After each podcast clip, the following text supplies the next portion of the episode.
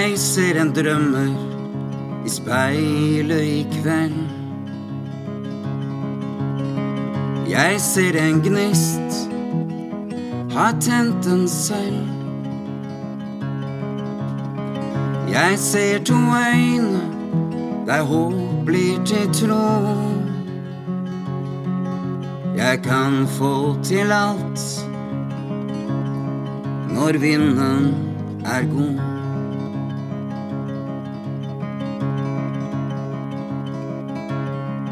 Jeg ser en kriger i speilet mitt nå.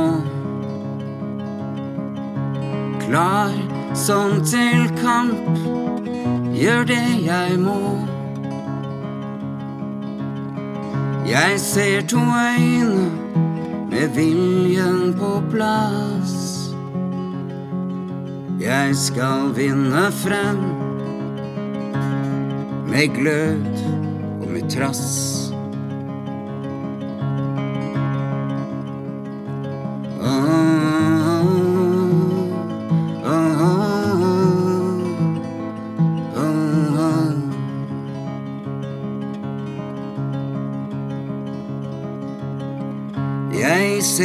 Tviler i speilet i natt.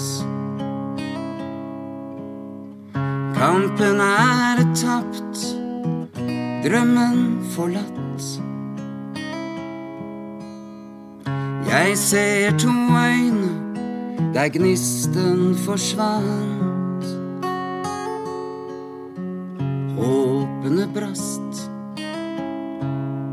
demonene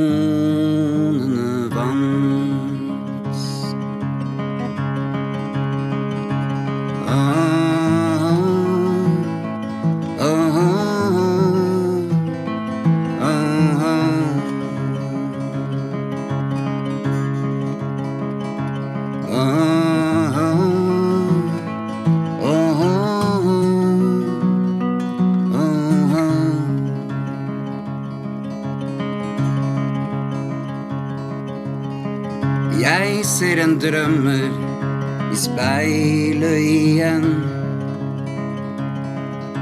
En ny drøm er klar, jeg skal fange den. Jeg ser to øyne der nytt håp er tent. Nå skal det gå, ja, nå skal det gå. Skal det gå. Ja, bare vent.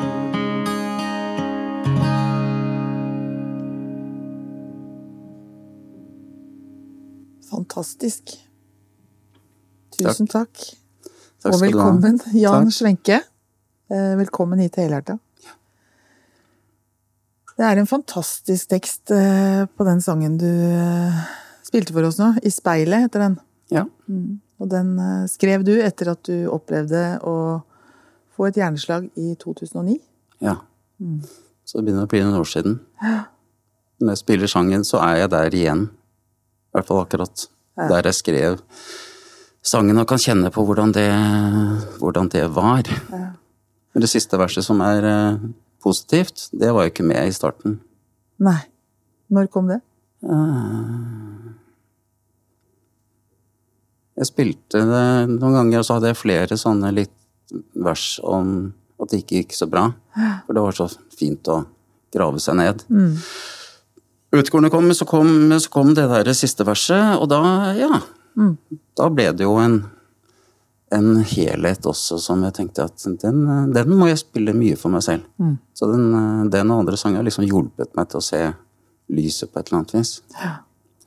Og det har kommet mange sanger eh, i tillegg til dette her. Du har gitt ut eh, to eh, CD-er, og du er å finne på Spotify. Ja. Under Jan Schwenke. Ja. Vi skal få høre litt mer av deg litt seinere, håper jeg. Men Jan, du fikk altså et et hjerneslag med tre blodpropper i 2009. Fortell hva som skjedde. Ja, jeg jobbet eh, som kommunikasjonssjef i Norsk forbund for utviklingshemmede, og vi hadde en sånn fylkessamling oppe på Fagernes. Eh, og jeg startet seansen, eh, 20 mennesker satt i en hestesko, jeg satt i midten og startet med å spille en sang. Også, og så var jeg ferdig med den, og så kjente jeg en sånn karusellfølelse i hodet, og jeg gikk i grunnen bare rett i, i gulvet. Eh, Så jeg, men da var det ambulanse omtrent i huset ved siden av. Var du bevisst hele tiden, eller? Ja, jeg tror det. Eh, Men kom kjapt til eh, Lillehammer eh, sykehus. Der ble det jo liksom ikke konstatert noe som helst.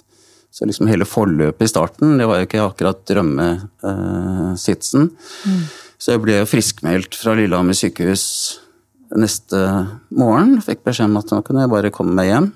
Eh, Så eh, kona kom opp, kjørte, meg, kjørte opp og hentet meg, og da fikk jeg lov til liksom å gå rundt sykehuset mens jeg ventet. Så For du hadde, du hadde ingen, eh, ingen pareser? Lammelser? jo, altså da, da gikk jeg rundt sykehuset og sa at den der høyresiden min den virker som den blir styrt av en eller annen med joystick i rommet ved siden av. Ja. Og så føler jeg meg liksom bare helt sånn tåkete. Det er liksom ikke jeg som går her. Nei da, med dette går eh, greit. Så det var ikke noe kommunikasjon med noe sykehus hjemme heller. Nei. Eh, Så jeg ringte jo til en eh, venn av meg i bilen på vei hjem og sa at her er det et eller annet som jeg ikke skjønner noe av. Eh, Og kunne dra på Bærum sykehus dagen etter. Og da ble det konstatert tre små blodpropper. Ja. To i lillehjernen og én i hjernestammen. Men der var jeg dagpasient og ble egentlig friskmeldt ut derfra, for dette var fint. Mm. Eh, Men fikk jo ikke noe forhold til hva som kunne skje etterpå. Hva kona mi kunne se etter. Så jeg, jeg satte meg foran peisen og tenkte at ja, men da går jo dette bare over i løpet av noen Bare de ikke tilstrekkelig mange kopper kaffe og setter ja Hvile deg litt, liksom? Hvile meg litt og sånn. Men, så så du, du hadde altså, Du snakka på samme måte, du hadde ikke noe skeivheter i ansiktet. Du kjente bitte litt rester i fing, fingrene Mm. og i det ene beinet. Men Ja. det var ikke noe som var synlig. Nei. Nei. Og det er jo noe av det Derfor du er her. Fordi Ja. du, du har jo gjort en fantastisk jobb med å være talsmann for akkurat de som har det sånn som deg, med i forhold til hva, hvordan er det å mestre eh, de usynlige utfordringene. Ja. Ja. Si litt om det. Ja, nei, og det eneste jeg eh, tenkte også Jeg, hadde en, jeg har, og har en fantastisk flott eh, fastlege. Men han tenkte nok at Sunnaas sykehus også, det var for de som hadde større skader enn meg. Eh, eh, men jeg følte jo liksom i utgangspunktet også at jeg fikk jo ikke helt tak i hva dette her var. Altså hele hodet mitt var bare tåke. Så beskjeden liksom til fastlegen min og sånn, og så vær så snill å få meg ut av denne tåken. Så mye jeg snakker om også, det var jo at jeg, jeg manglet ikke svar på spørsmål, men jeg manglet spørsmål. Ja. Ikke sant? at jeg kunne ikke si hva det var. Det fikk jeg jo først peiling på når dette med kognitive utfordringer ble mer virkelig for meg, da. Hva er det hodet gjør, egentlig, med oss? Og så merket jeg jo at jeg, jeg, var, jo ikke, jeg var jo ikke meg selv heller. Nei. Og det merka de rundt deg òg. Ja, men det er skummelt. Liksom, du ser deg i speilet, og det ser ut akkurat som før. Ja. Men det er en eller annen inni En annen mann. En eller annen som har tatt plass. Og dyttet noe annet til side. Sprøtt. Du sa, du sa tidligere at det, er, det var noe sånn udefinerbart eh, på en måte. Så du kaller det liksom når hodet halter. Ja. Ja. ja. Og det var i grunnen det første begrepet som gjorde det litt sånn eh, synlig for meg selv. Og måten jeg kunne kommunisere til familien også. Og andre, eh, for da kunne jeg si i dag er hodet mitt i rullestolen. Ja. Eh, I dag er jeg med to krykker. Eh, I dag har jeg kastet krykkene. Eh, nå er jeg i rullestol igjen. Er, det- var, var det liksom følelsen av tåke Eller fjernhet? Du, liksom, er det det som på en måte bestemmer om du satt i rullestol eller i, gikk med krykker i hodet? Ja, liksom? altså for det første så gikk det veldig sakte, all sånn tankevirksomhet. Men så var det jo en del ting som jeg liksom ble kjent med etter hvert, som ikke fungerte, da. Jeg husker jo et eksempel, liksom. eh, Jeg var jo hjemme. eh, Mine tre barn som da var 14, 16 og 20, de var på skolen, kona mi var på jobben. Og så skulle jeg bytte en lyspære. Den lå på kjøkkenet. Det eneste jeg skulle gjøre den dagen, var å bytte den lyspæren. Og jeg så den og visste hva jeg skulle gjøre. Fikk ikke gjort det. Inntil sønnen min kom hjem og sa ja, men pappa, du skulle jo bare bytte den lyspæren. Ja. Da kunne jeg bytte den. Ja. Hva, Men det var, det, det var liksom ikke noe som slo inn. Eh, Så jeg tenkte jo at liksom den biten, det var bare sånn giddeløshet. ja. Mens det med å miste tak i startmotoren sin, det er jo en veldig eh, viktig brikke i et dagligliv. Og som, som eh, de som har peiling på kognitive funksjoner, sier ofte kan være en svakhet etter en hodeskade. Da. Om det er hjerneslag eller en annen ulykke. Både det å ha en startknapp, og også det å ha en stoppknapp, som du sa. Ja, og Ja. stoppknappen. Liksom det der, og, og, det er kanskje også at når jeg først da kommer i gang, så kan jeg jo ikke stoppe. Nei. For da kommer jeg ikke i gang igjen. Så liksom det å prate, prate, prate, prate, Ja. Og ikke slippe andre til, Ja. eh, det var en eller annen sånn Jeg visste jeg skulle stoppe også, men det får det ikke til. Nei. Inntil noen sier ja, men og vet jeg, noen, liksom, noen sånne stoppsignaler, sånn T som de har i barnehagen, og Ja, ja. ting som gjorde at disse tingene seg inn. Men da var jo det viktigste for de rundt meg også etter hvert altså Det tok jo halvannet år før jeg fikk plass på kognitiv rehabilitering på Sunnaas sykehus.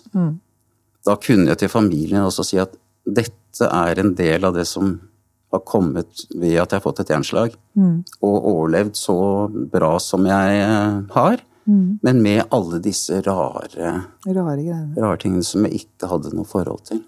For det tok ett og et halvt år fra du opplevde å få det, eller fra du fikk slaget, til du fikk plass på Sunnaas. Ja. Og da sto du på ganske hardt for å få den plassen. Ja, og det var ikke noe særlig Jeg bor i Bærum, og det er ikke noe særlig tilbud.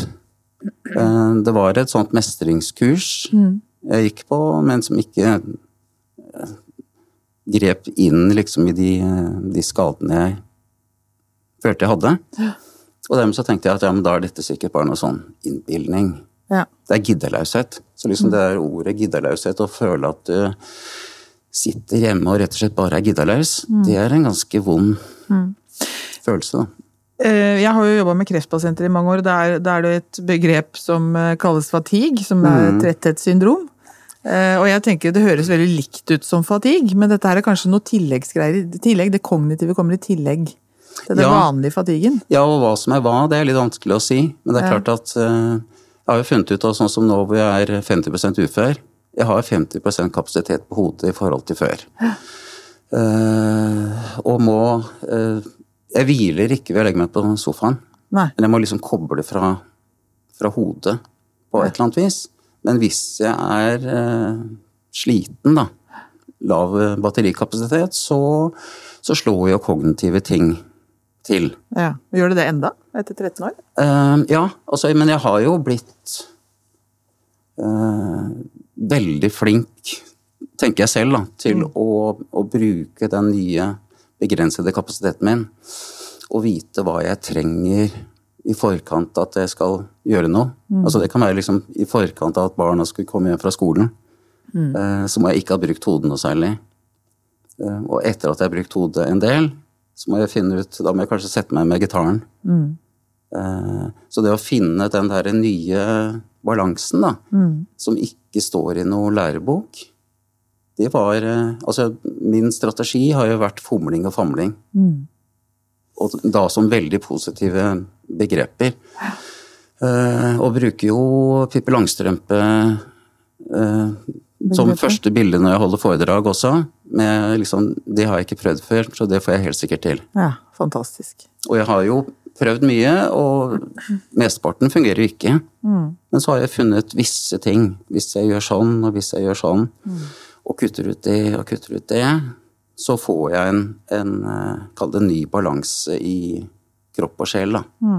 Men du må jo ha en enorm sånn eh, evne fra før av, tenker jeg, personligheten din til å stå på og ikke gi deg.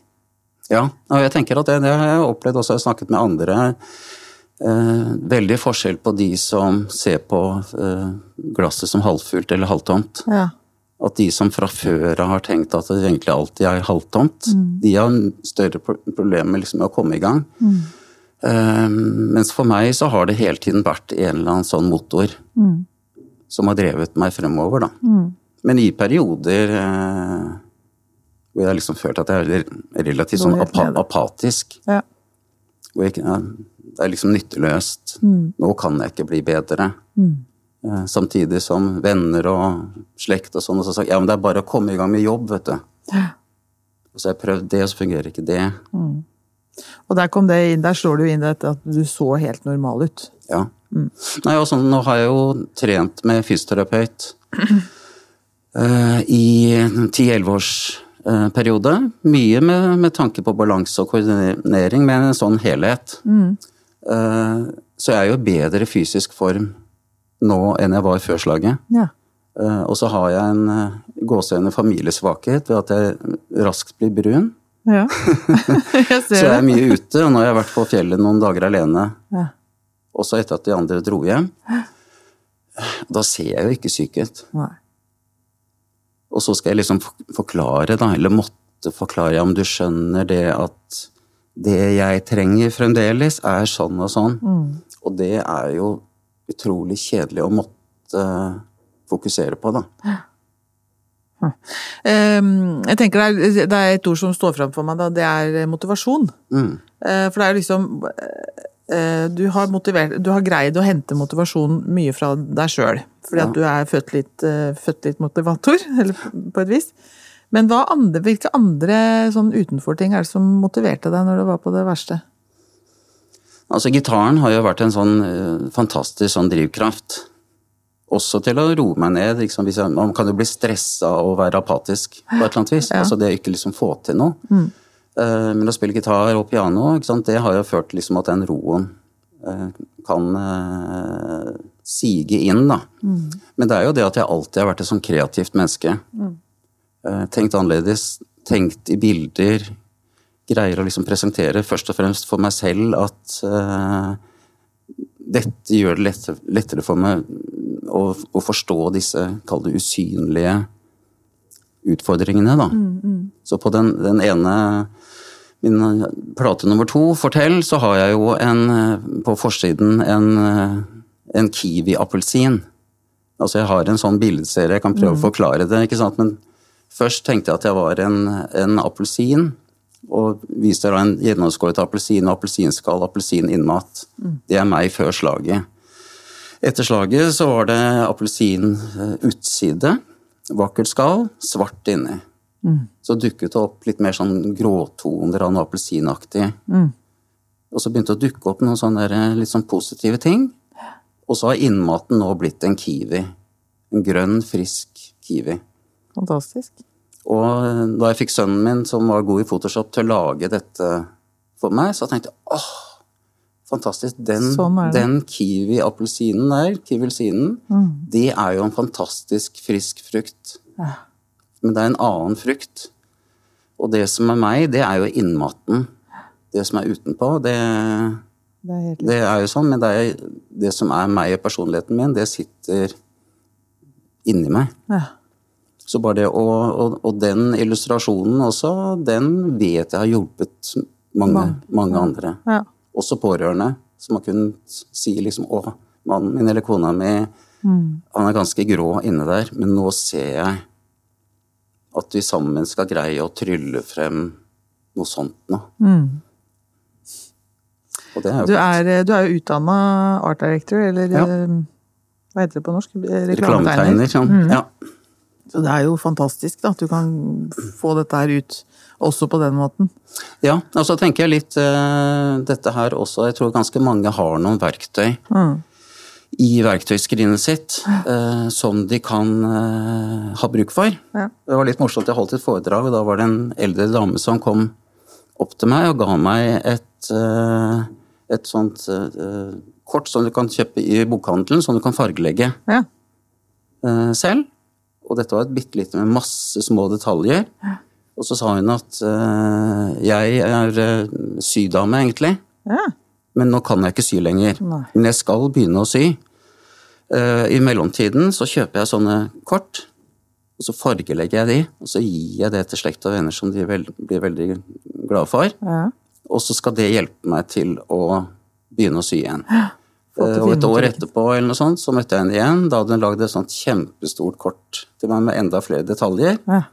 Men det viktigste var at hun kunne si at Og nå syr jeg som bare rakkeren. Herlighet. Ikke sant? Så det er noe med at eh, mange sitter med noe. De har noen redskaper Ja. som som de kan bruke. Ditt uh, redskap har jo vært uh, både det med bilder, men også Mm. for din egen del dette med musikken. Ja. Fordi du, du eh, skrev tekster på engelsk, og du har spilt eh, gitar i mange, mange år. ja. Eh, og så ble du syk, og så har du fortalt meg at du greide ikke å sette ord på følelsene dine, og du, du tenkte det, men du greide ikke å få det ut. Ja. Og så ble musikken din eh, redningshjelp. Ja, nei, og det var et eller annet sånn mystisk nå. Ja. Jeg har prøvd liksom å få andre til å forklare liksom hva som skjer. Ja, Om det var en altså, Det var i hvert fall en sperre som gjorde at det var en eller annen lukket dør som gjorde at jeg ikke kunne skrive på PC-en. I hvert fall ikke tankene mine. Eh, og det å sitte ved en skjerm og se seg selv ekstra slitsomt, og ikke skrive for hånd. Men så når jeg da kunne synge en linje noen ganger, så fant jeg ut at jeg kunne skrive det rett ned. Og det var jo en sånn merkverdighet. Og så tenkte jeg ja, men da kan jeg skrive et vers til, da. Eh, og etter hvert så har jeg kunnet da synge det første verset for meg selv. da hadde du melodien først? Eh, Klar, litt liksom? sånn eh, ymse av og til. En eller annen sånn tekstlinje som jeg begynte å, å skrive noe rundt. Ellers så har jeg en sånn en måte hvor jeg synger Jeg heter jo Jan Svenke, så jeg synger sånn på svengelsk. Ja. Hvor jeg har en eller annen melodi, og så synger jeg noen rare greier. Mm. Og så kommer det noen ord, og så blir det kanskje noe så, så er det jo det der å sortere etter hvert også, hvor jeg får ut Plutselig så kommer alt på en gang, og da blir det masse, masse vers. Og så er det liksom å sortere og prøve å, å komprimere det. Også etter hvert at jeg tenker at én ting er Det er jo en del sanger jeg har bare skrevet for meg selv ja. som jeg aldri har spilt for, for noen, som er så personlige at det er bare mine sanger. ja. Og så har jeg funnet ut at enkelte av disse også, de, de kan jeg bruke eh, overfor andre. Skrevet dem litt om, holdt noen vers for meg selv. ja. Eh, og ser også at når jeg holder foredrag, så er det også en sånn merkverdighet. Det er jo noe med en, en sånn kreativ åre jeg har, som også gjør at batteriene mine lades. Eh, så når jeg holder foredrag og enkelte ganger da ikke har med meg gitaren, så blir jeg utrolig sliten. ja. Også underveis, og veldig etterpå. Men hvis jeg har med gitaren, så vet jeg aldri helt når jeg skal spille sanger. Nei. Og hvilken sang du skal synge. Nei. Og så slår det inn, og så bare spiller jeg den, og da lader jeg batteriene. Så kan jeg fortsette å snakke.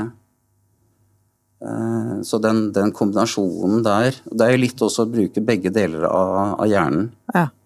Eh, Og den kreative delen av hjernen min, den er hele tiden som batterilader. Mens den kaller analytiske delen av hjernen min, den, den sliter. Og det som egentlig sliter mest, og det var jo noe som jeg ikke hadde noe, noe forhold til, noe som så vakkert heter sånn eksekutive funksjoner. ja. Og det er det jeg kaller eh, prosjektledergenet mitt.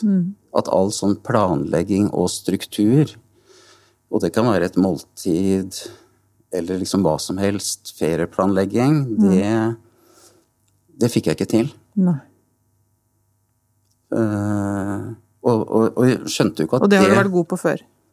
Ja, altså ikke kjempegod. Kona mi er mye flinkere eh, på, på sånne ting, og har liksom sitt eh, fokus egentlig på mye den analytiske delen av hjernen, mens jeg er liksom den kreative. Og da ble det også å erkjenne at jeg trenger liksom hjelp på den, Den biten, ja. den biten. ja. Så det var liksom ett eksempel fra bestemte etter hvert at vi skulle ta en sånn ferietur til Island. ja.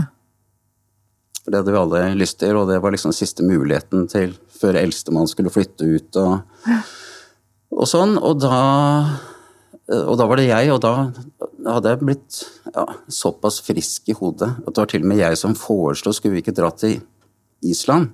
Og de rundt meg, de så, Oi, hva foreslo Ja. du nå? Så gøy. Det var flott. Ja. Eh, og så sa jeg ja, og så kan dere gjøre resten. ja. Altså all planlegging med Ja.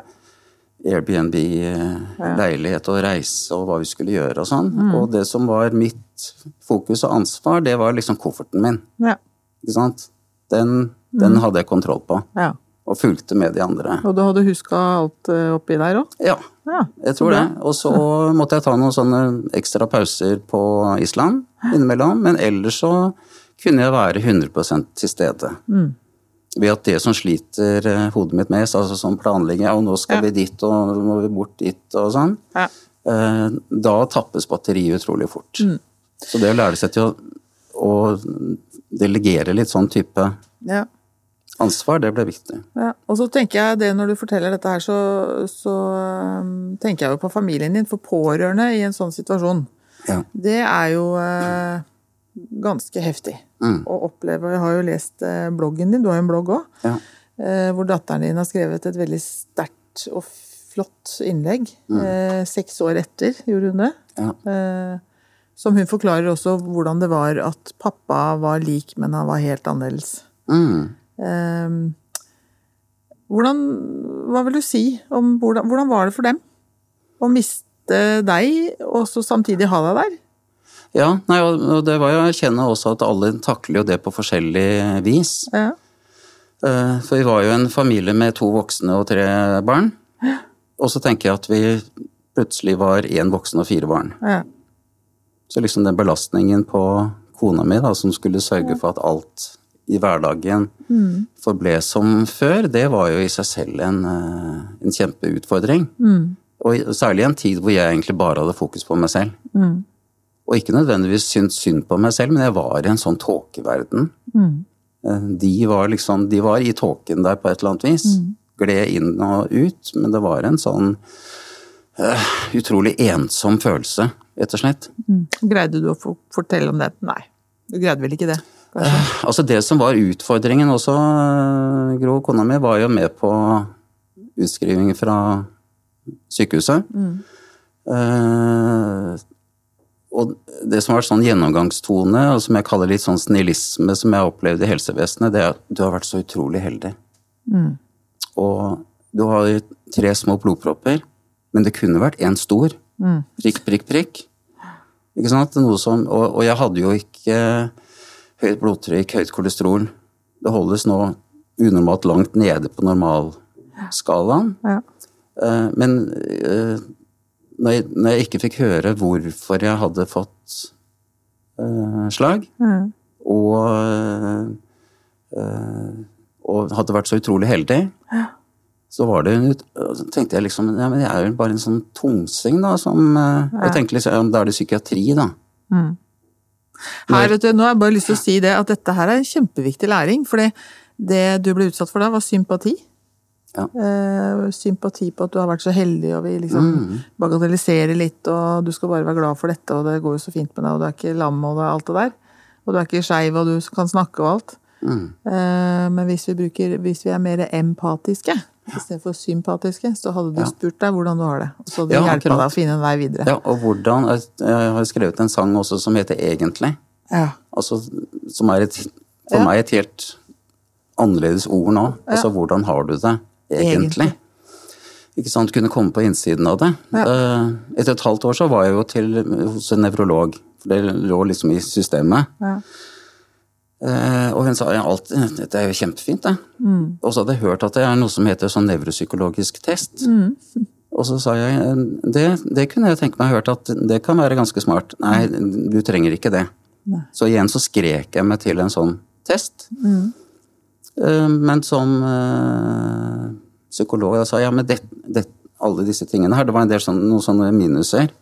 Men dette er helt innafor. Du har vært kjempeheldig, det. Mm. ingen spurte meg om disse minusene hadde noe med jobb og hverdag å gjøre. Så jeg ble jo igjen sendt hjem som frisk, da. Ja. Mens det var jo den nevropsykologiske testen som Sunnaas sykehus brukte i forhold til eh, min hverdag, min jobb. Og de minusene har jo vært det som ble tydeliggjørende på hvorfor jeg ikke kunne fungere i jobb. Mm. Og hva jeg fungerer godt til, og hva jeg bør legge til side for en periode. Eller eventuelt eh, bestemme meg for ikke å gjøre mer. Og det fikk du hjelp til når du kom til Sunnaas? Ja. Så igjen, men For det så- blir for meg sånn- så var det liksom halvannet år, års tåkevandring. Ja. eh, hvor jeg bare fikk høre fra alle, bare komme seg i gang, begynne å jobbe litt Mm. og, og komme igjen. Ja, men du kan jo komme i det selskapet, du gjør ikke det så ofte. Nei, ikke sant. Da må du skjerpe deg, igjen. Ja. Ja. Og så en ting som jeg merket på den tiden også, øh, det var jo også at jeg opplevde at det var så utrolig ubehagelig å snakke i telefon. Ja. Hvorfor det? Nei, og det lurte jeg veldig på, om det var også noen psykiatrigreier. Inntil jeg fant ut at det som er viktig for meg, og som gitt en aha-opplevelse for mange andre også, det er jo at øyekontakt er så viktig. Ja. Eh, Som gir meg den roen, Alfa og omega. og ikke minst eh, gir meg liksom muligheten til ikke å falle ut av samtalen. Mm. For det var det ubehagelige.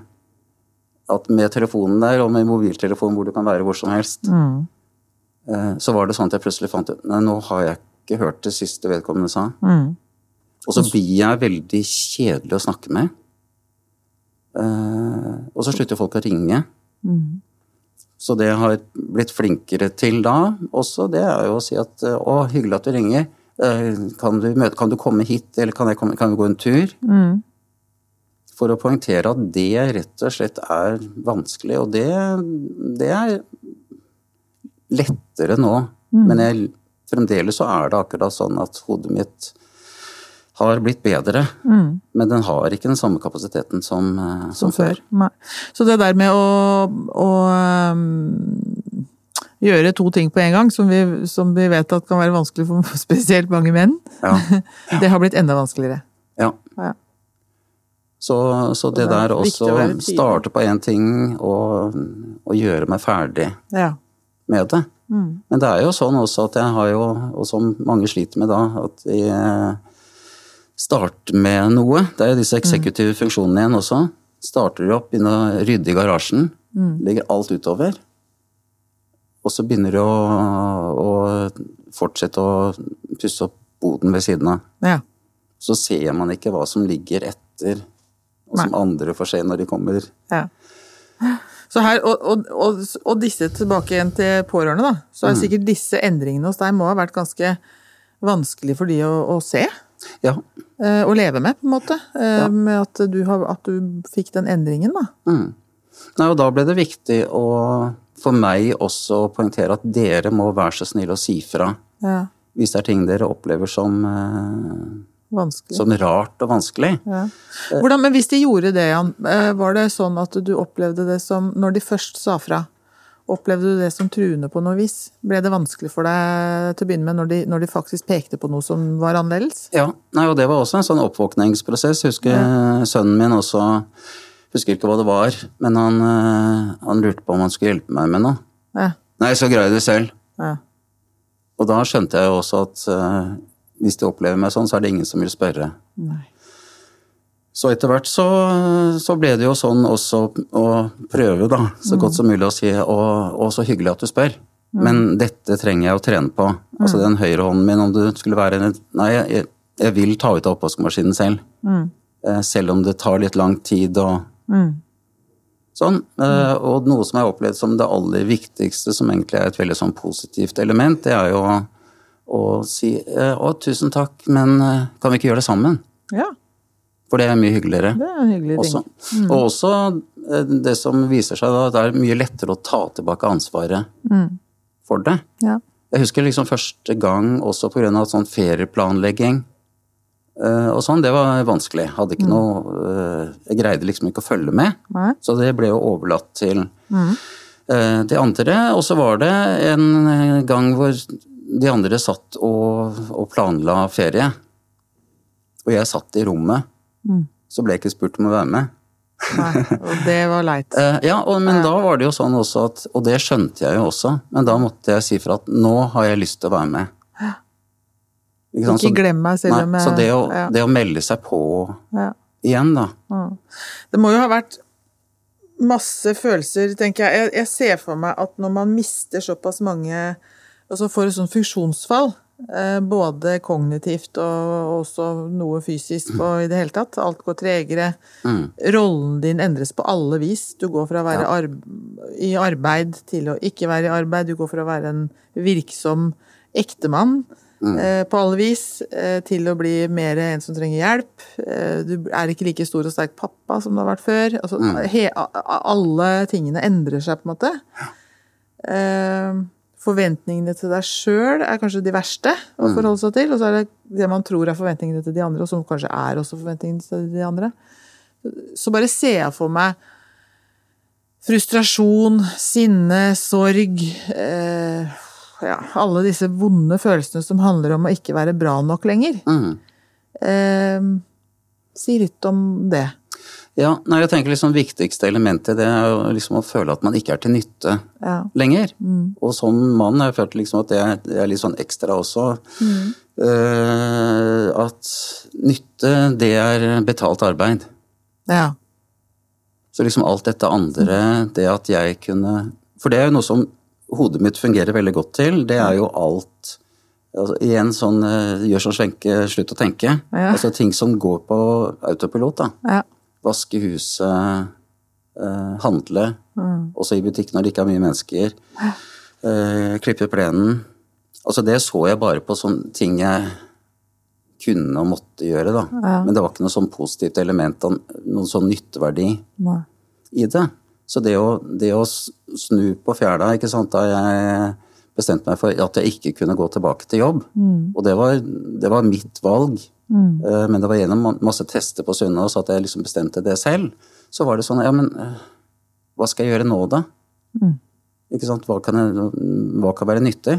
Men da hadde jeg jo heldigvis begynt å holde noen foredrag rundt omkring, helt, helt enkelt, vanskelig å planlegge, men jeg fant en struktur på det. Mm.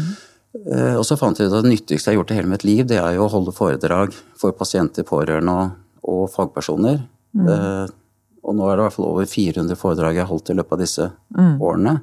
Så det å finne ut at det jeg nå gjør også, det er jo det nyttigste jeg har gjort i hele mitt liv. Mm. Det å jobbe i reklamebransjen som jeg gjorde, jeg bare husker en gang hvor jeg satt der og, og lagde noe reklame for noen sånn bilpolish. Ja. Så tenkte jeg dette kan jeg, dette kan jeg ikke gjøre livet ut. Så da er det noe med også å finne ut at det å, å kunne bidra lite grann i eh, andres liv, Ja. som kanskje er i en tidligere, mer frustrert fase, eller tilsvarende som jeg var i, eh, og føle liksom at jeg har noe ekstra å bidra med, også i musikken, det har jo vært utrolig sånn livgivende. Og det lader jo batteriene mine også. Ja. Og du har jo gjort eh, masse i forhold til, det. Du har jo vært med på Oslo Met, så har du vært med å mm, både lage og, og kunne påvirke dette studiet i helse og, og empowerment, Mm, sammen med Sissel Tveiten blant annet. ja. Eh, og, du, og alle disse foredragene som du holder. Og du, du, du holder gjerne foredrag videre også. Å, Nå har det vært stopp i pandemien, Ja. men eh, Så kom igjen. Jeg er, jeg er klar. ja. Eh, men, men tilbake til det med mestring, da. For det er jo eh, det, det at du har fått lov til å bidra på de andre måtene. Du, du sier også du har jo tid til å være verdens beste bestefar. Ja. Ja. Så, men når du skulle hente fram at dette er bra nok, da. Er det noen som har hjelpa deg å fortelle deg det, eller har du oppdaga det sjøl? har vel oppdaget det gradvis. Fra at jeg liksom fikk ett Altså, jeg har jo aldri markedsført meg. Så det er via liksom det første foredraget på Bærum sykehus, og så var det en der som Altså ett foredrag av 42 nye som har 44 nye. Eh, og så tenkte jeg at ja, men dette tar sikkert slutt Ja. på et eller annet vis. Men så greide jeg jo å, å, å, å føle også, og fant ut at dette skal jeg, dette skal jeg gjøre ordentlig proft. På et eller annet vis. Og, og, og har nok blitt flinkere også til å, å koble ut min egen historie. Eh, også etter at jeg har jobbet fem-seks år på, på Sunnaas som erfaringskonsulent. Så jeg har veldig mange andres historier og mestringshistorier også. Sånn at det ikke bare blir liksom Jans historie, han har vært kjempeflink, han spiller gitar og han kan få til alt. Ja. Men veldig mange smarte, fine mestringshistorier fra andre. Mm. når du er erfaringskonsulent, hva gjør du da? Da er det i grunnen å være litt med i, eh, i hverdagen eh, til eh, pasientene. Det er jo en del sånne samtalegrupper Mm. hvor jeg kan bidra. Ikke ta altfor stor plass, men kanskje få de andre til å begynne å, å snakke litt. Eh, og så er det jo samtale én til én Ja. med pasienter, og, og, og gjerne, eh, veldig gjerne, også pårørende ja. når de, eh, når de kommer. Også snakket med noen eh, barn, da sammen med foreldre, med, med utgangspunkt i min datters eh, blogginnlegg. Mm. For akkurat det der også, datteren min, altså jeg var jo min egen verden og veldig sånn egoist. Alt fokus var, var på meg. Mm, naturlig nok. Ja, og mm. veldig mange opplever det også, men den, det blogginnlegget til Ellen, eh, som jeg da har markedsført til pasientene, ikke sant, sier jeg, men kanskje datteren eller sønnen din kan lese det, og så får dere liksom noe, et startpunkt. hva skrev Ellen der? Nei, det var jo liksom det at hun eh, gjerne ville bli, hun, hun måtte bli sett og hørt. Også, og det var jo liksom en tid hvor hun også falt utenfor, eh, etter hvert slet eh, på skolen, og kanskje først merket det da hun sto i fare for ikke å få noe karakterer på videregående. Da ble det fanget opp, og da ble det vel først tydeliggjort eh, på en ordentlig måte også. På en veldig fin måte, så hun har jo kommet seg veldig godt i gang og skrevet nå en master i sosiologi. Og hun har god penn, det er helt tydelig når hun Ja. var eh, såpass ung som hun var når hun skrev det innlegget. Det er veldig godt skrevet. Men det er jo sånn liksom at eh, det rører seg i hjertet mitt liksom bare jeg snakker om det. Mm. For det, jeg spurte henne flere ganger eh, når jeg liksom visste at hun hadde eh, slitt litt, om hun kunne ha lyst til å skrive det ned. Egentlig bare for at jeg og vi kunne lese det, eller at hun kunne ha det som et sånt blogginnlegg. Og så fikk hun det litt på avstand og kunne skrive det ned, og det tror jeg det var, det var godt for henne. Og veldig sånn synliggjørende for alle oss, da. Så et sånt poeng i det også, det er jo at uh, barn og unge de er også flinke i gåseøynene til å skjule at de sliter. Ja. Hvis det er en annen, kanskje en forelder som sliter, ikke sant? Ja, de tar hensyn, vet du. Ja. Og så blir de Så gjemmer de seg litt. Og ikke vil synliggjøre egne utfordringer. Du fortalte om sønnen din er, i forhold til humor, da. Ja. Og sønnen din, han, Det tok litt tid før de turte å tulle og tøyse med deg om dette her. Ja. Eh, fortell litt om det. ja. For det var jo sånn, eh, som sagt, liksom at de, de tre barna tok det på forskjellig vis. Ja. Mats som var eldst og 20, han var liksom på vei ut. Ja. Eh, Så han, eh, han taklet dette, han hadde litt avstand til det. Eh, Mens Morten, da, som jo også er eh, en sånn kreativ fyr, også spiller og sånt nå, han er vel eh, han er ganske lik meg. Mm. Men han ble nok litt lei av at det ikke liksom var noe Det var ikke noe mye sånn sprudling, og det var ikke noe å sprudle av heller. Så det første elementet, for jeg fikk jo slag i november, og det var ikke så lenge før jul, og så skulle vi bake pepperkaker, som vi pleier. Og det var ikke noe sånn kjempestemning rundt det pepperkakebordet. Men vi koste oss, da. Og så lagde Morten noen sånne egne former. Litt sånn slangeformer, da. ja. Og så hadde vi noe Nonstop og sånn. Og så spurte Morten ja, ser dere hva dette er, eller? Nei, vi var ikke så veldig interessert i grunnen å se hva han eh, holdt på med. Vi skulle liksom bare bli ferdig. ja. Og så måtte vi jo se på disse slangene, da. Ja, hva, hva, hva er det for noe, da, syns dere? Ja, det er vel slangegreier, da. Nei, det er slagmark. Og så satt vi helt stille, og så brøt vi ut i, i latter. Ja. Ikke sant? Og det var jo en så utrolig befriende latter. ja. Altså, det var en måned etter slaget mitt, da. Og da er det jo ingenting å le av. Nei. Men det at han turte å si fra så tydelig, og har fortsatt med det, da. Så sånn, vet ikke om det var dagen etter, eller det var i hvert fall før jul igjen, jeg har jo en sånn dosett med mine flotte medisiner. Mm. hvor han syns at det var, eller er veldig trist at jeg bare får medisiner morgen og kveld. Ja. Så plutselig så lå det Nonstop til lunsj. Så liksom sånne, sånne ting er jo så utrolig viktig. Sånne Galgen, litt galgenhumor. bitte små ting. Og etter hvert så er det folk som har sendt meg ting, og jeg bruker disse tingene i, eh, i foredragene også. Og så er jeg litt sånn opptatt av å snakke til med helsevesenet. Altså hvordan, hvordan får man satt i gang en eller annen sånn spøk? Og da tenker jeg også at det er veldig viktig for, uh, for pasienten selv, da, eller den skadde, at de gir rom for det. Ja. Uh, For ellers er det liksom vanskelig for en sykepleier eller lege å begynne å, å teste inn kan jeg, kan jeg være morsom nå, eller si noe hyggelig. Det er dette speilet igjen, da. Ja. Nei, og, det er, eh, og jeg vet ikke om jeg var eh, klar. Men det, det, det at eh, Morten gjorde det, og hadde tenkt igjennom, og, og jeg tenker at han var modig. At han liksom turte å, å gjøre det, det tenker jeg var, eh, det var en jo- veldig fin start. Jeg tenker jo det er noe med det der å tørre å utfordre litt, da. Ja. Både familie og pårørende og, og i helsevesenet. At Mm. vi tør å Vi skal se, og vi skal favne, og vi skal vi skal hjelpe og vi skal gjøre alt mulig for å hente fram gode ting. Så må vi, hvis vi skal greie å hente fram noe som helst, så må vi tørre å utfordre. Vi må tørre å bli avvist. Vi må tørre, å, vi må tørre at jeg spør deg om noe eller tuller og tøyser med deg og bare blir slått i bakken. At det der kan du bare drite i, liksom. Ja. For ellers så kommer vi ingen vei. Nei, Det- og liksom finne liksom den der lille åpningen. Ja. Altså, Jeg, har jo en, jeg har jo en sang på første platen min som heter eh, 'Selv er jeg plaget av flass'. Ja, den, den så jeg, den hørte jeg ikke på. Ja, nei, og den, og den, den spiller jeg jo av og til. Altså, den har jeg jo alltid med.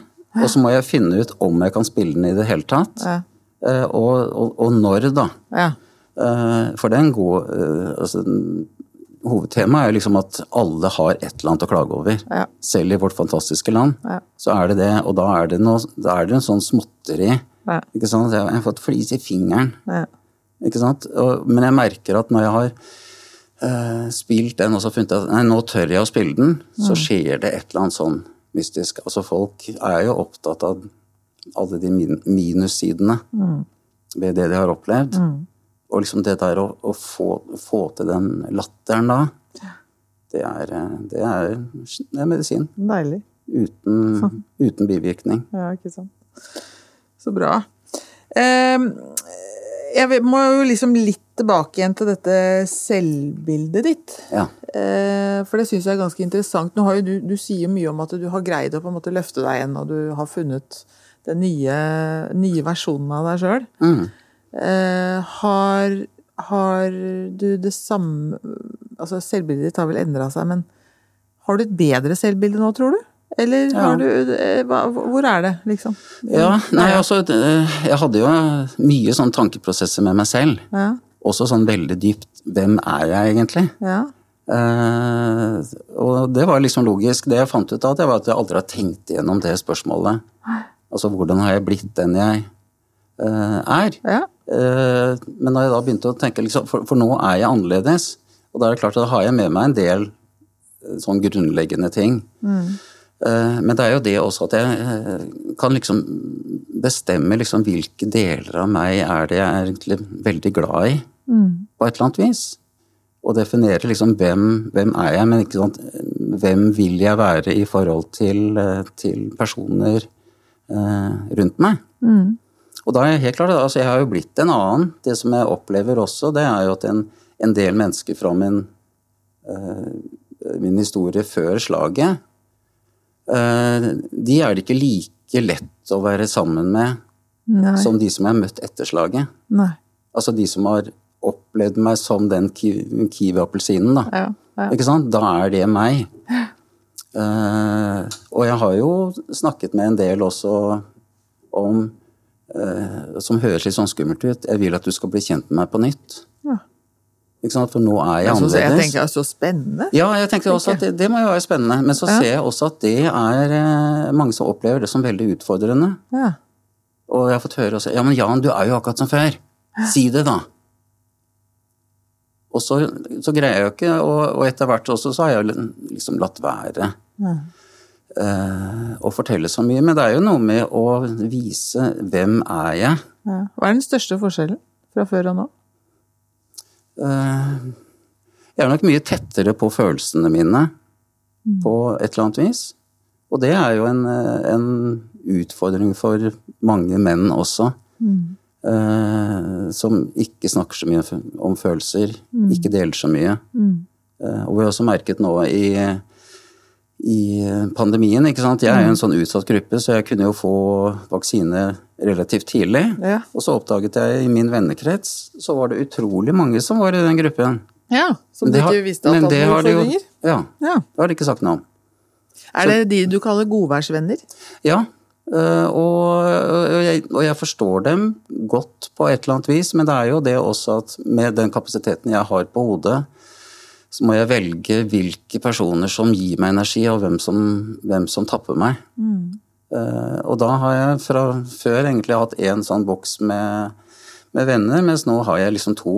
Jeg har liksom en boks med godværsvenner, og de, de møter jeg jo, men jeg bruker ikke noe energi på dem. Nei. Jeg er ikke veldig aktiv i forhold til å holde, Holde det eh, like, kontakten heller, men jeg har en, en stor nok boks med, med virkelig gode venner med stor V. Mm. Mange av de har jo dukket opp etter at jeg fikk slag. Ja. Også enkelte har blitt veldig mye tettere på enn de var, og enkelte har blitt borte. Mm. Og da er vel hovedsaken også, som jeg snakket med Gro om en gang, også det, når hun kunne nevne at ja, nå blir vi ikke bedt dit lenger. Og hvor man kunne godt gå inn i den, kall det fellen, og si ja, hvem er det som har blitt borte. Eh, Men da valgte vi heller å sette oss ned og finne ut hvem er det vi egentlig ønsker å ha god og nær kontakt med. Og når den listen passerte 20, så fant vi ut at vi har ikke tid til disse 20 så mye vi ønsker. Nei. Og da var det lettere i grunnen å gi slipp ja. på dem. Men jeg syns jo enkelte har vært eh, trist liksom har forsvunnet ut. Mm. Eh, men jeg har jo til og med holdt foredrag og sånn for enkelte. Mm. Også etter at jeg ble 50 ufør, tenkte jeg at da var det et sånt skifte. Mm. Så da kan jeg fortelle hva, hva betyr dette nå. Mm. Eh, og da er det jo enkelte som har kommet eh, inn, og så er det enkelte som fremdeles er ute. Ja. Og da har jeg bare måttet eh, tenke at eh, jeg tror jeg har gjort alt det jeg kan for å Men jeg, jeg tenker litt sånn, Grunnen til at mange blir borte, så tenker jeg at en ting er nå at du endrer deg, og at du kanskje, som du sier, at du hadde ikke noen stoppknapp, så det er mulig du sleit dem ut litt. altså at Det er litt sånne ting, da. Men, men tror du det handler om at også at det kan handle om at folk ikke helt veit hva de skal si, hva de skal gjøre? At de er redd for å gjøre noe feil, eller altså, Tror du det handler om det? Så det handler om det, og jeg tror liksom kvinner er eh, flinkere til å liksom melde seg på. Ja. Og så si at jeg syns dette er vanskelig, men jeg vil gjerne Er det noe jeg kan gjøre for deg, eller komme i gang med den, eh, den samtalen. ja. Men for enkelte menn, også altså de som er nærmest meg, så, så har vi har vi liksom hatt den samtalen hele tiden. Og det, og det går jo Jeg tror menn også er litt sånn har litt vanskeligheter for å liksom snakke om sykdom. og det er liksom, nei, Vi må snakke om noe positivt ja. på, på et eller annet vis. Og hvis jeg hadde Så tenker jeg igjen at det hadde vært eh, lettere hvis jeg hadde sittet i rullestolen. Da hadde de visst at da kunne jeg ikke være med på en tur opp på den toppen Det har vært noe konkret å forholde seg til. Mens, eh, og det var jo et eksempel med en jeg snakket om også, en, eh, som, en dame som hadde vært på en sånn venninnetur på, eh, på en hytte gjennom 20 år. Ja. Og hun fikk slag og var med opp året etter og sa liksom jeg har visse begrensninger sånn, jeg kan ikke kutte opp salat pga. hånden min sånn og sånn, og jeg kan ikke gå så langt, og så må jeg hvile litt. Ja. Og så hadde hun en kjempefin tur, ja. eh, og året etter ble hun ikke bedt. Uff a meg, så trist. Ja. Eh, og da tenker jeg liksom hva Hva kan hindre liksom at noe sånt eh, skjer? Og én ting er jo også Sånn som jeg har prøvd å gjøre, men sikkert ikke nok, det er jo også Hvis jeg har måttet avslutte festen tidlig, da. Sende en uh, melding dagen etter og jeg hadde det kjempefint', Eh, men som du vet, så trenger jeg uh, Plutselig så blir det liksom nok. Da, da kobler jeg fra hodet mitt. Så liksom det der å Hvis hun da hadde kunnet presentert det, hadde det kjempefint. Og, og, og denne turen betød kanskje enda mer for meg enn de 20 andre. Det er ikke sant. Fremfor at hun kanskje ga et eller annet inntrykk av at hun ikke hadde noe, noe så hyggelig der. på grunn av at hun måtte, Og jeg også, jeg må jo konsentrere meg mye mer. Eh, og da har jeg også fått høre at uh, Jan, du virker ikke så glad som før. Nei. Og det har jeg jo tenkt uh, mye på. Så tenkte jeg, hva, er det? For jeg jo, føler egentlig at jeg er gladere enn før. Men, Du må tenke litt mer. ja, og så må jeg konsentrere meg. Ja. Så eh, når jeg snakker med noen da, og det kanskje er litt sånn sus rundt og sånn, Ja. så får jeg litt sånn konsentrasjonsrynke. Og så må jeg liksom følge Følge med Følge, mer. ja. Ja. Ansiktsuttrykk. Eh, Når, du sitter og snakker, når vi sitter og snakker om disse tingene her nå, det, det at man, man greier ikke like mye, mye som før, eh, vennene greier ikke å være på plass like mye som før, familien eh, sliter fordi ting ikke er som før, så tenker jeg at det egentlig er en eh, litt, handler litt om at alle, ikke bare den som er syk, men alle opplever at man plutselig har fått for store sko. mm, Egentlig. Ja. Og det er nok mange også som, som liksom tenker ja, nei, dette, og at du blir sånn sliten, altså sånn type fatigue, Ja. ja. ja, det kan jeg også kjenne på. Eh, og det at du ikke husker så godt, ja, nei, det kjenner jeg godt igjen. Eh, men det er jo på et eller annet vis i hvert fall en del av de elementene for meg, de blir jo i gåseøynene litt sånn sykelige. Altså de, de påvirker hverdagen min eh, i sterkere grad enn før. Men jeg skjønner at det er vanskelig for de tingene som jeg sliter med, da, altså som har blitt litt, litt for store for meg, det er jo elementer som man kan kjenne, kjenne igjen. Mens altså sitter du i rullestol, så vil de fleste sånn oppegående tenke at dette har ikke jeg opplevd før. Ikke sant? Og lurer på hvordan er det, altså den praktiske hverdagen, og hvordan eh, Hvordan skal dette bli? fungerer det. Men, men for meg, altså det lille som jeg sliter med i og med at jeg ser så frisk ut, det kan alle kjenne. Og ja, og det var eh, ikke sant, Jeg var på fjellet nå med noen venner. Eh, og da ble jeg igjen to dager etterpå. I gåseøyne for, for å komme meg. Men altså helt sånn bevisst og kjempehyggelig, og, og de vet om det. Også, så det var ikke noe sånn at de føler at de sliter meg ut. For dette var planlagt. Dette dette var liksom tredje året vi planla den turen. For det har vært noe sånn korona i mellomtiden. Mm. Så det er jo igjen, og det er jo venner som, som kjenner min situasjon godt. Og da slapper jeg godt av også. Og du føler at de er på plass, og at du kan være deg sjøl. Ja. Altså, jeg hvilte altfor lite underveis, fant jeg ut. Men da hadde jeg jo to dager på På å komme. For det må kanskje være litt vanskelig det å hvile nok da, når man koser seg veldig og man blir litt sånn revet med. Ja. Absolutt. Så så jeg har jo funnet ut at jeg holder jo, jeg holder jo mer og mer. Ja. Og jeg er ikke den første som går hjem hvis vi er borte heller. Så jeg husker liksom første gang eh, Gro sa til meg skal vi begynne å tenke på å dra hjem nå? Ja. Og så var det hun som sa det, og ikke jeg. Ja. Det var en sånn, eh, det var en, eh, en, en seier på et eller annet vis. Ja. Men jeg lurer på om ikke vi skal lade batteriene dine litt nå, Ja. Det høres fint ut. Takk. For store sko. Ja.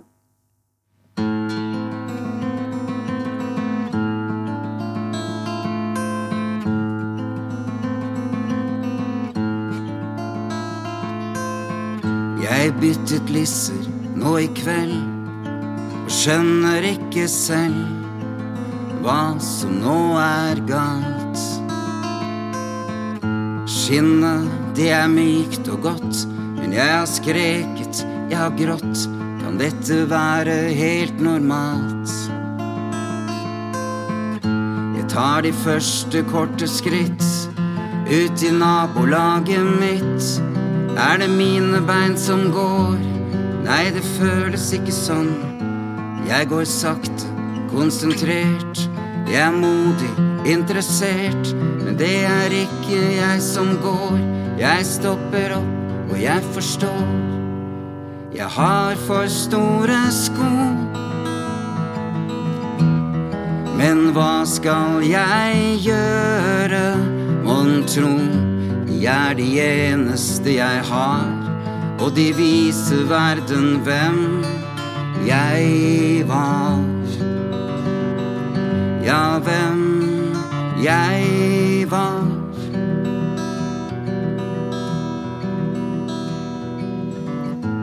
Det er mørkt en stille natt. Jeg fyller dem med vatt. Ja, nå skal alt bli bra. Jeg føler meg litt smart. Se hva gutten her har klart. En illusjon er god å ha. Jeg er forsiktig hvor jeg trår. men jeg snubler når jeg går. Jeg er svimmel og kjenner meg som en fisk på land. Jeg setter meg og ser, jeg skjelver ikke mer. Men kan jeg lyve for meg selv? Nei, det går ikke an. Jeg har for store sko. Men hva skal jeg gjøre, mon tro? De er de eneste jeg har, og de viser verden hvem jeg var. Ja, hvem jeg var. Hvem jeg var.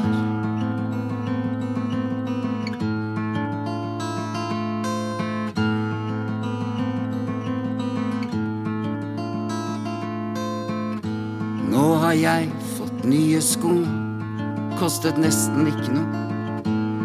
Jeg svever på en sky.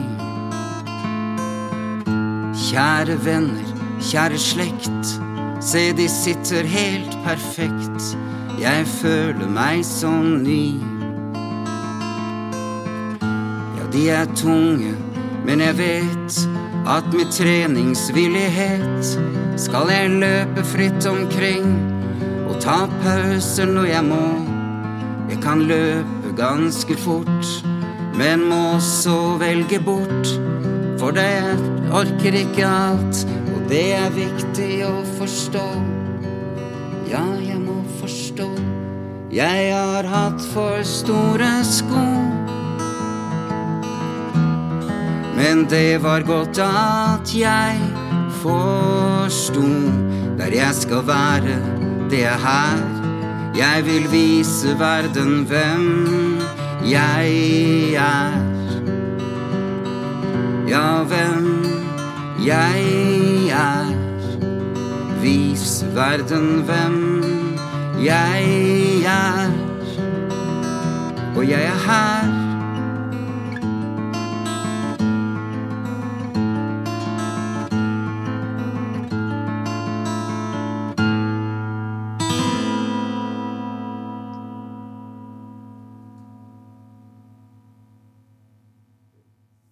Gjerne si litt grann om den eh, sangen. For, eh, og det er litt med det der å være tålmodig, eh, som jeg ofte snakker med pasienter og, og pårørende også. At ting tar tid.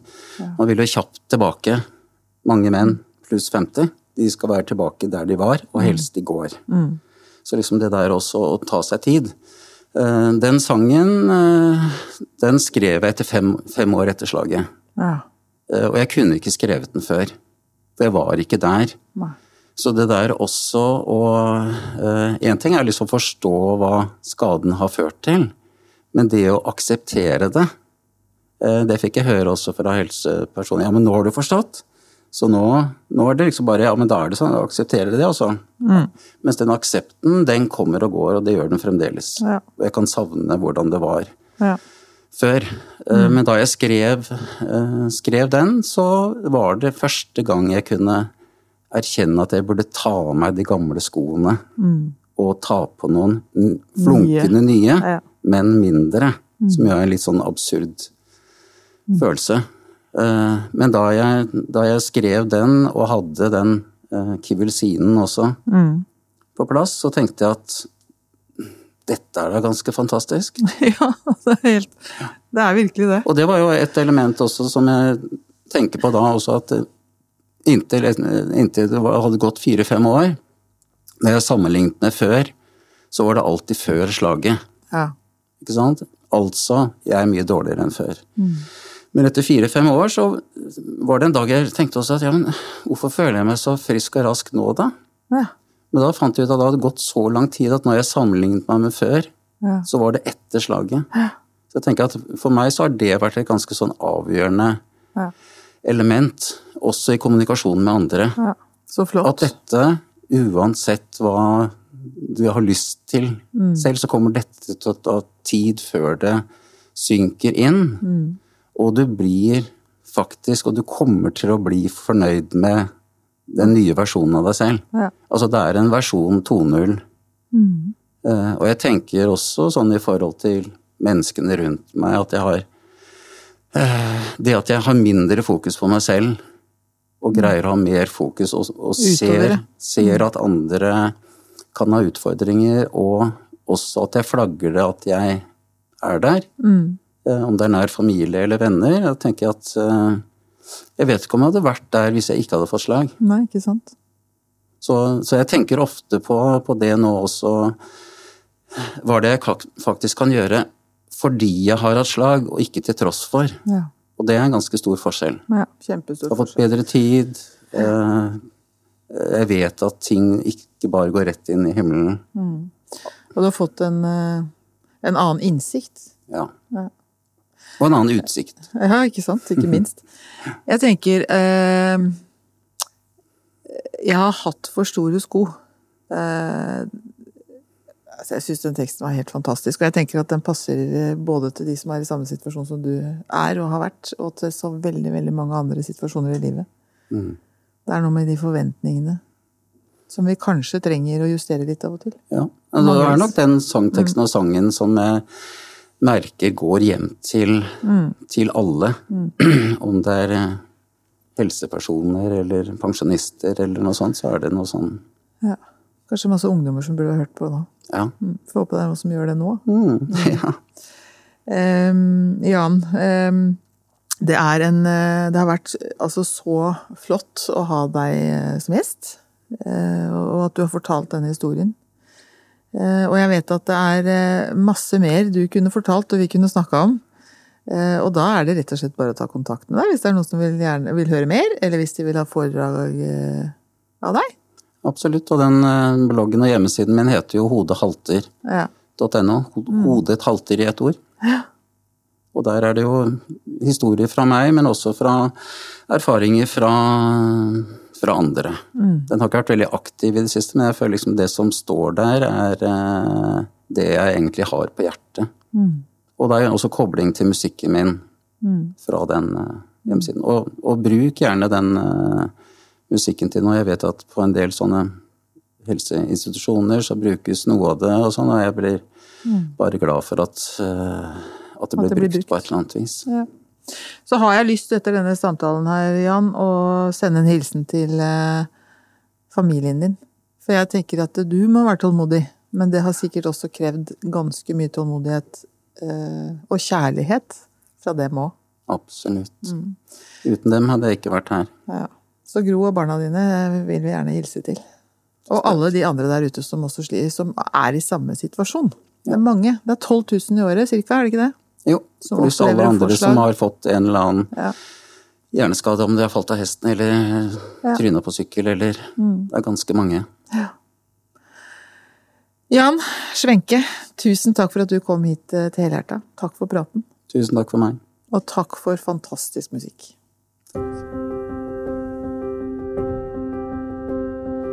Helhjerta er en podkast fra Kompetansebyråen. En digital plattform for samhandling og kompetansedeling i helsetjenesten. Personer som blir omtalt i pasienthistorier, er enten anonymisert eller har gitt samtykke til deling.